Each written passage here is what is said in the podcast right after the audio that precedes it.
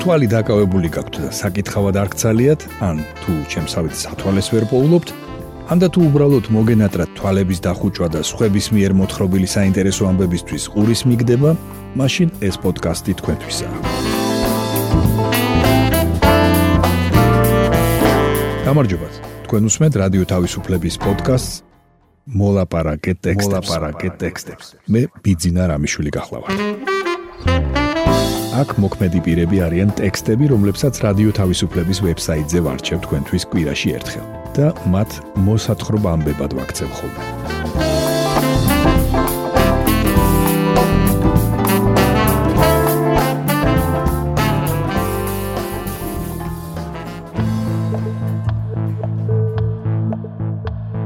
დღეს ვისაუბრებთ იმაზე თუ რატომ ბრაზობენ აუცრელ ადამიანებზე. მოგითხრობთ როგორ იპოვეს აფხაზეთში ხუთი უგზოუკლოდ დაკარგული. და მოგიყვებით იმაზე როგორ ცდილობენ ეთნიკური აზერბაიჯანელები გვარების დაბრუნებას.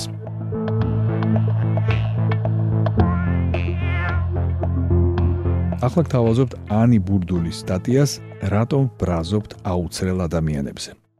რატომ ბეჭხუბებით იმას, ვისაც აცრა არ უნდა? ის ხომ მხოლოდ საკუთარ თავს იგდებს საფრთხეში. სოციალურ ქსელში დასმულ ამ კითხვაზე მოკლე პასუხი ასეთია: არა ვაქცინირებული ადამიანები არა მხოლოდ საკუთარ ჯანმრთელობას უქმნიან საფრთხეს, არამედ წარმოადგენენ შტამების ფაბრიკას. რაც უფრო მეტი აუცრელი ადამიანია, მით მეტი შესაძლებლობა აქვს ვირუს გავრცელდეს. როდესაც ეს ხდება, ის მუტაციას განიცდის და შეიძლება წარმოქმნას კიდევ უფრო საშიში მუტაცია. განუცხადა CNN-ს პროფესორმა უილიამ შაფნერმა. ვანდერბილტის უნივერსიტეტის სამედიცინო ცენტრის ინფექციური დაავადებების განყოფილებიდან. შტამები სწორედ კორონავირუსით ინფიცირებული ადამიანის ორგანიზმში ვითარდება. მუტირებული ვირუსი ამ გზით სხვადასხვა ახალ თვისებას იძენს და მისი დამარცხება რთულდება. მაგალითად, მას შეუძლია გახდეს უფრო გადამდები, როგორც ეს დელტა შტამის შემთხვევაში მოხდა. ახლა ცოტა უფრო ვრცლად იმაზე თუ რატომ არის შენი აცრა სხვებისთვის მნიშვნელოვანი. скеპტიკოსების ნაწილს კითხვები მას შემდეგ გაუჩნდათ, რაც ამერიკის დაავადებათა კონტროლის ცენტრმა გამოაქვეყნა ინფორმაცია, რომლის მიხედვითაც კორონავირუსის დელტა შტამით სხვების ინფიცირება აცრილებსაც შეუძლიათ, იმ შემთხვევაში თუ თავად ინფიცირდებიან. მაშინ რა აზრი აქვს აცრას? ან რას ერჩიან აუცრელებს თუ კი ვაქცინირებულიც გადამდებიან? ინფექციონისტი ალექსანდრე გოგინავა განმარტავს, რომ თავარი დასკვნები ამ მარტივ მოცემულობას ეყრდნობა. აუცრელებს ინფიცირებისა და დაავადების გავრცელების მეტი შანსი აქვთ ვიდრე აცრილებს. სამჯერ ნაკლებია იმის ალბათობა, რომ ვაქცინირებულ ადამიანს კორონავირუსული ინფექცია დაემართება. ვაქცინირებული ადამიანის ორგანიზმში ვირუსი ნელა მრავლდება და შესაბამისად გადამდებიც ბევრად ნაკლებად არის ვიდრე არავაქცინირებული. საერთო ჯამში აცრილი ადამიანი დაახლოებით 10 ჯერ უფრო ნაკლებად ავრცელებს ვირუსს, ვიდრე არავაქცინირებული. ის რომ სრულად ვაქცინირებულები შედარებით ნაკლებად ავადდებიან, ამაზე მონაცემები საქართველოსიც დაგროვდა.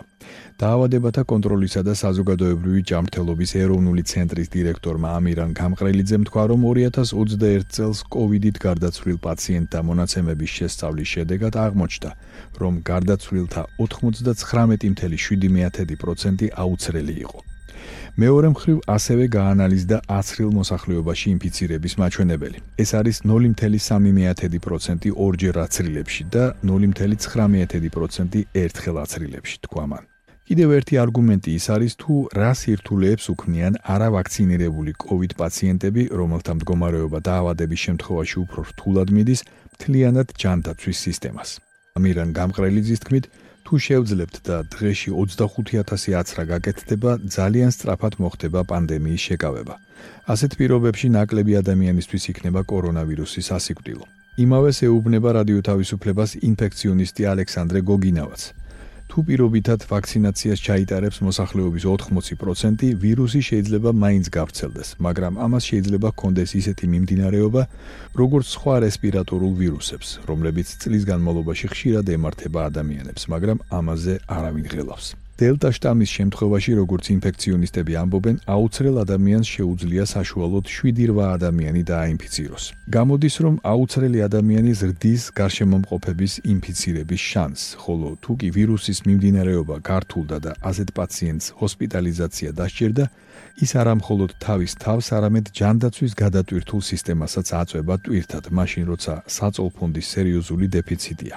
გამოდის, რომ მეტწილად აუცრელი ადამიანები არიან ახალი შტამების მუტაციის წყარო და რაც მეტია ინფიცირებული, მით მეტი ახალი შტამი იქმნება. ვირუსი კი ახალ თვისებებს იძენს და მეტად ადაპტირებულია გარემოსთან, რაც ართულებს მისი დამარცხების პროცესს. ამიტომ ვაქცინირებული ადამიანები არავაქცინირებულებისგან იმით განსხვავდებიან, რომ საკუთარი თავის გარდა უფრო მეტად იცავენ მათ, ვისაც არ ჩაუტარებია ამჟამად ვერ უტარდება ან მომავალშიც ვერ შეძლებენ ვაქცინაციას. თქვენ მოისმინეთ ანი ბურდულის სტატია რატომ ვბრაზობთ აუცრელ ადამიანებზე.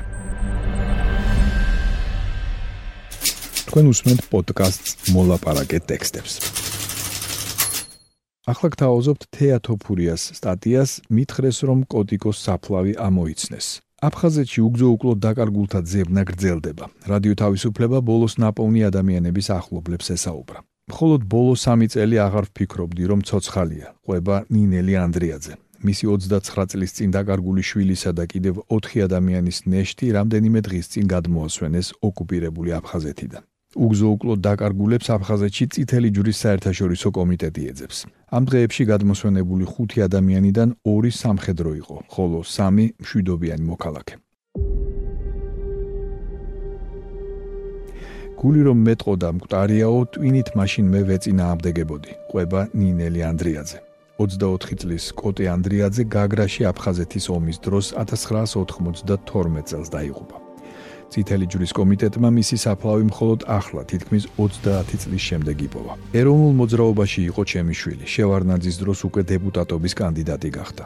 რომ მიდიოდა აფხაზეთში 4 შაბათს ჩამოვალო. არ ჩამოვიდა და ეს იყო მისი პირველი გატეხილი სიტყვა. მერე დარეკა საქმეზე გავდივართ. მამას ბოდიში მოუხადე დაბადების დღე რომ ვერ მიულოცე. რამდენიმე დღეში ჩამოვალო. არ უთქვამს რომ გაგრაში წავიდნენ. უყოყმანოდ წავიდა მიუხედავად იმისა რომ მანამდე ფეხი დაშავებია კამანის ბრძოლაში.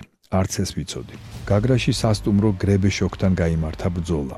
მერე იქ იპოვეს მისი საფლავი. ამბობს ნინელი ანდრიაძე. 1992 წლის შემდეგ ნინელი ანდრიაძე და კიდევ 14 ადამიანი უგზო-უგლოდ დაკარგულთა ახლობლები მთელ საქართველოში დადიოდნენ და უცხო საფლავებს ეძებდნენ. 14 ივლისს კოტე ანდრიაძეს დაბადების დღე ჰქონდა. 16-ში კი ნათელი გახდა, რომ წითელმა ჯვარმა ბოლოს და ბოლოს მის საფლავს მიაგნო. მოვიდნენ და მითხრეს, რომ კოტიკოს საფლავი ამოიცნეს. დნმ დაემთხვა. ხომ გინახავთ, როგორ ქვავდება ადამიანი? ეს გაქოვება გადავიტანეთ 16 ივლისს. 2021 წელს წითელი ჯვრის ექსპერტებს 30-ზე მეტი სავარაუდო სამარხის გახსნა ჰქონდათ დაგეგმილი. მიუხედავად COVID პანდემიისა, ეს პროცესი წლის ბოლომდე გაგრძელდება. სამარხების მოძიება იწყება ინფორმაციის შეგროვებით. შემდეგ ექსპერტები იღებენ ახლობლების დნმ-ს, ხოლო უშუალოდ სამარხის გახსნისას ნეშტებისგან დნმ-ს პროფილები მზადდება. იმ შემთხვევაში თუ მონაცემები ერთმანეთს დაემთხვა, გარდაცვლილი ამოცნობილია.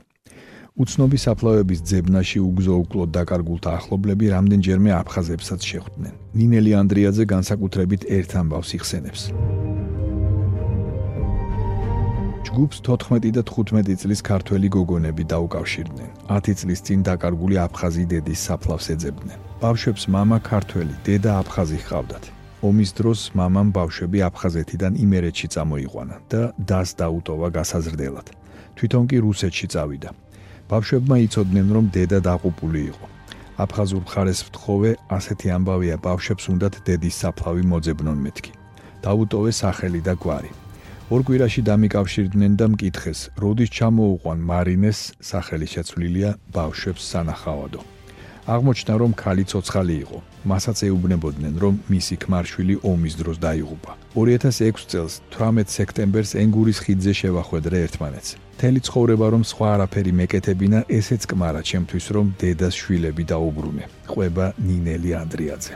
დღევანდელი მონაცემებით დარჩენილია 2300-ზე მეტი ოჯახი, რომლებმაც ამ დრომდე არაფერი იციან თავიანთი ახლობლების ხვედრის შესახებ. წითელი ჯვრის ეგიდით 2010 წლიდან დღემდე ნაპოვნია 583 ნეშტი.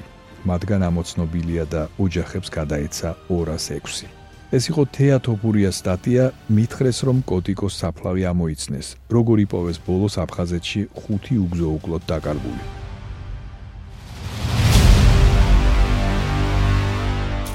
თქვენ უსმენთ პოდკასტს მოლაპარაკე ტექსტებს. და ბოლოს მოისმინეთ ეკა ქევანიშვილის სტატია ჩემი გვარია მამედლი და არა მამედოვი ეთნიკურად აზერბაიჯანელები გვარების დასაბრუნებლად ხელმოწერებს აგროვებენ ჩემი გვარის 20% ოკუპირებულია. ეს გვარის დაბრუნების კამპანიის ერთ-ერთი მთავარი გზავნილია. საქართველოსი მცხოვრები ეთნიკურად აზერბაიჯანელი ახალგაზრდები ამ წუთებშიც გარდაბნის რაიონის სოფელ ვახტანგისში არიან და ხელმოწერებს აგროვებენ პარლამენტში საკანონმდებლო ცვლილების დასარეგისტრირებლად. საჭიროა 25000 ხელმოწერა იმისთვის, რომ ყველამ, ვისაც ამის სურვილი ექნება, გვარის რუსული დაბოლოება თავისი ძველი ავთენტური აზერბაიჯანული გვარით შეცვალოს. სანამ ხელმოწერების მოსაგროვებლად ეთნიკურად აზერბაიჯანელი ახალგაზრდები სოფელ-სოფელ სიარულს დაიწყებდნენ, მათ გვარები სოციალურ ქსელ Facebook-ში გადაიკეთეს. რუსული დაბოლოებები აზერბაიჯანულით შეიცვალეს და ასე დაიწყო კამპანია გვარი დამიბრუნე. ჯერ კიდევ მაშინ პლატფორმა სალამის წევრი კამრან მამედლი რადიო თავისუფლებისთვის დაწერილ ბლოგში ხსნიდა, რატომ იყო ეს მნიშვნელოვანი მართვის. Facebook-ში გვარები კი შეიცვალეს, მაგრამ ამ დრომდე პასპორტში მათ ისევ OV და სხვა რუსულ დაბოლოებიანი გვარები უწერიათ. მაშინ აზერბაიჯანელმა ახალგაზრდებმა იუსტიციის სახსა და სამოქალაქო რეესტრსაც მიმართეს თხოვნით. რომ სასურველი ცვლილება მათ პირად დოკუმენტაციაშიც ასახულიყო. თუმცა პასუხად მიიღეს, რომ საქართველოს კანონმდებლობაში არ არსებობდა ჩანაწერი, რომელიც მათ გვარის ასე შეცვლის შესაძლებლობას მისცემდა. ამიტომაც გადაწყვიტეს კანონის შეცვლა იმგვარად, რომ საქართველოში მცხოვრებ ყველა აზერბაიჯანელს, ვისაც ცხადია ამის სურვილი ექნება, გაუჩნდეს გვარის დაბოლოების შეცვლის კანონით მინიჭებული უფლება. 2021 წლის 2 აგვისტოს საქართველოს პარლამენტის საპროცედურო საკითხთა და წესების კომიტეტმა განიხილა და მხარი დაუჭირა პლატფორმა სალამის ინიციატივის რეგისტრაციას. ამ 25000 ხელმოწერის შეგროვებაც პროცესის ბოლომდე მისაყვანად არის საჭირო. გვარის დაბრუნების კამპანია თბილისიდან დაიწყეს და რეგიონებში გადაინაცვლეს. პირველ ორ დღეს თბილისში 1000-მდე ხელმოწერა მოგროვდა და მასში ეთნიკურმა ქართველებმაც მიიღეს მონაწილეობა. პლატფორმა სალამის წევრები ფიქრობენ, რომ შესაძლოა ეს რუსულ დაბოლოებიანი გვარის მქონე ქართველებისთვისაც იყოს საინტერესო და მათაც დაიბრუნონ ძველი გვარები. თუმცა მეტი ინტერესი ამ შემთხვევაში აზერბაიჯანულ თემში არსებობს. და აი რატომ? ჩვენ არ ვართ ეთნიკურად რუსები, თუმცა საბჭოთა პერიოდში კავკასიაში ასიმილაციის პოლიტიკის შედეგად ძალიან ბევრმა ეთნიკურმა ჯგუფმა შეიცვალა გვარი. დღეს კი გვინდა ჩვენი იდენტობის ავთენტური გვარების დაბრუნება. ეს ერთი. მეორე და მთავარი, ჩვენ ვამბობთ, რომ მხოლოდ ტერიტორიების ოკუპაცია არ ხდება, არამედ სწორედ გვარების, ცნობიერების, აზროვნებისა. ჩვენ ვფიქრობთ, რომ დეოკუპაციის პროცესი სწორედ ჩვენი აზროვნებიდან და ყოველდღიურობიდან უნდა დაიწყოს. ჩვენი გვარები რუსული დაბოლოებებით სწორედ ამ ყოველდღიურობის ნაწილია და ეს უნდა შევცვალოთ. უთხრა კამრან მამედლიმ რადიო თავისუფლებას. აზერბაიჯანული გვარები ჯერ რუსეთის იმპერიის პერიოდში შეიცვალა, თუმცა ტოტალური ხასიათი ამ პროცესმა გასაბჭოების შემდეგ მიიღო, პასპორტიზაციის პროცესის გააქტიურების შემდეგ. მას შემდეგ ფაქტობრივად თითქმის ყველა ეთნიკურად აზერბაიჯანელის გვარმა მიიღო რუსული ჟღერადობა. საქართველოს ეთნიკურად აზერბაიჯანელი ახალგაზრდები ახლა სწორედ ამ თითქმის საუკუნის წინ შესვლილი რეალობის დაბრუნებას ცდილობენ.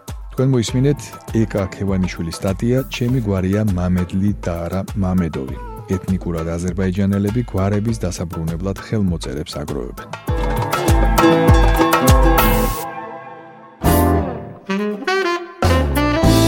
თქვენ მოისმინეთ რადიო თავისუფლების პოდკასტი მოლაპარაკე ტექსტები. მე კვირაში ერთხელ ვარჩევ რადიო თავისუფლების ვებსაიტზე გამოქვეყნებულ ტექსტებს და მათ მოსათხრობამდე ვაქცევ ხოლმე. ჩვენი პოდკასტი შეგიძლიათ გამოიწეროთ, ჩამოტვირთოთ ან მოისმინოთ პირდაპირ რადიო თავისუფლების ვებსაიტზე. მისი მისამართია რადიო თავისუფლება წერტილი.ge. თუ ჩემი მიერ მოთხრობილი ტექსტები სრული სახით დაგაინტერესებთ, მათი მოძებნა იულია. ვებსაიტზე, პოდკასტის გვერდზე იპოვით ყოველ ცალკეულ პროგრამაში მოთხრობილი ტექსტების ბმულებს. მე ბიძინა რამიშვილი ვარ. მომავალ შეხვედრამდე.